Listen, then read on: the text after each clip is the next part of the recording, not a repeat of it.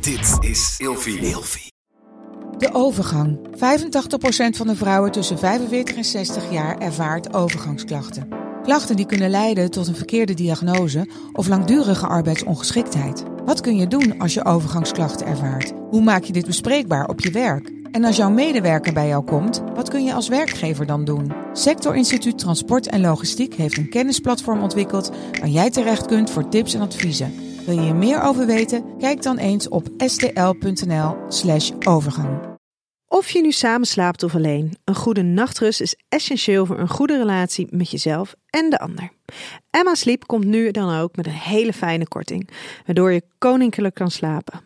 Met de code RELATIEVRAGEN in hoofdletters krijg je 10% korting bovenop de 50% korting die je nu krijgt op het bed dat ik bijvoorbeeld heb. De Emma Storage Deluxe Boxspring. Handig voor als je goed wil slapen en extra opbergruimte wil. Dus ga snel naar emmasleep.nl en bestel jouw bed. Ik ben Inke Nijman en ik deel graag als relatietherapeut en seksuoloog mijn gedachten met jou in deze podcast. Goede minnares. Als je een groep vrouwen neemt waarbij hard werken, hoge verwachtingen en willen presteren een grote rol spelen, dan kan je verwachten dat dit niet alleen op zakelijk gebied zo is, maar ook op privégebied. Een goede moeder zijn, een goede vriendin, een goede partner zijn, maar ook een goede minnares. En vooral dit laatste kan voor veel vrouwen een uitdaging zijn. Want als je prestatiegericht bent, hoe meet je dan of je voldoet aan de verwachtingen van een goede minnares? Ik kies het woord minnares hier bewust, omdat er in heel veel relaties nauwelijks meer onderscheid is tussen partners zijn, ouders zijn en geliefden zijn. Terwijl dit binnen een relatie hele andere disciplines zijn. De beste ouders kunnen elkaar volledig verloren zijn in de slaapkamer, terwijl de meest onvoorwaardelijke geliefden zo symbiotisch kunnen zijn dat ze als ouders niet kunnen voorzien in de behoeften van hun kinderen. Het woord minnaar of minnares duidt op jouw seksuele ik. Om een goede minnares te zijn, voor jezelf of voor je partner, is het allereerst belangrijk om na te gaan wat een goede minnares eigenlijk omvat.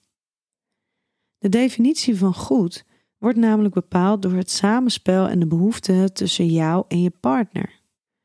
Hoe jij je seksueel beweegt, hoe je flirt, hoe je seksuele contact met je partner is. Of jij jouw seksuele behoeften in beeld hebt en die van jouw partner. Een goede minnares kan genieten van seksualiteit en liefdevol zijn naar zichzelf en de ander toe. Hiermee is dus niets gezegd over de frequentie van het aantal vrijpartijen of het aantal attributen dat erbij gehaald moet worden. Het gaat over jullie twee en wat jullie nodig hebben. En absoluut zal er vaak genoeg een uitdaging liggen wanneer jullie daarover niet op één lijn liggen.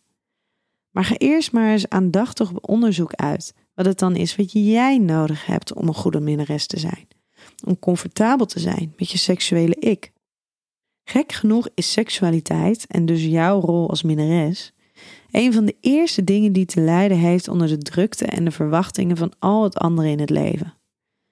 En dat is zo zonde, want eigenlijk lijkt het vaak ook een ultieme vorm van vermijding.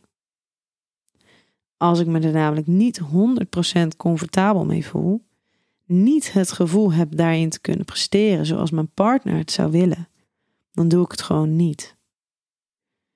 We gunnen het onszelf niet om prioriteit aan onze seksuele relatie met onszelf en onze partner te geven. Terwijl we dit wel doen aan al die andere dingen zoals het werk, boodschappen doen, sporten en de kinderen. Vraag jezelf eens eerlijk af hoeveel prioriteit jij geeft aan jouw seksuele relatie. Of dit nou met je partner is of met jezelf. Vind jij jezelf een goede minnares? En als het antwoord nee is, heb je er dan voldoende tijd in geïnvesteerd en het voldoende prioriteit gegeven om daar iets aan te doen? En als het antwoord ja is, wat doe jij dan heel bewust om hierin te blijven investeren?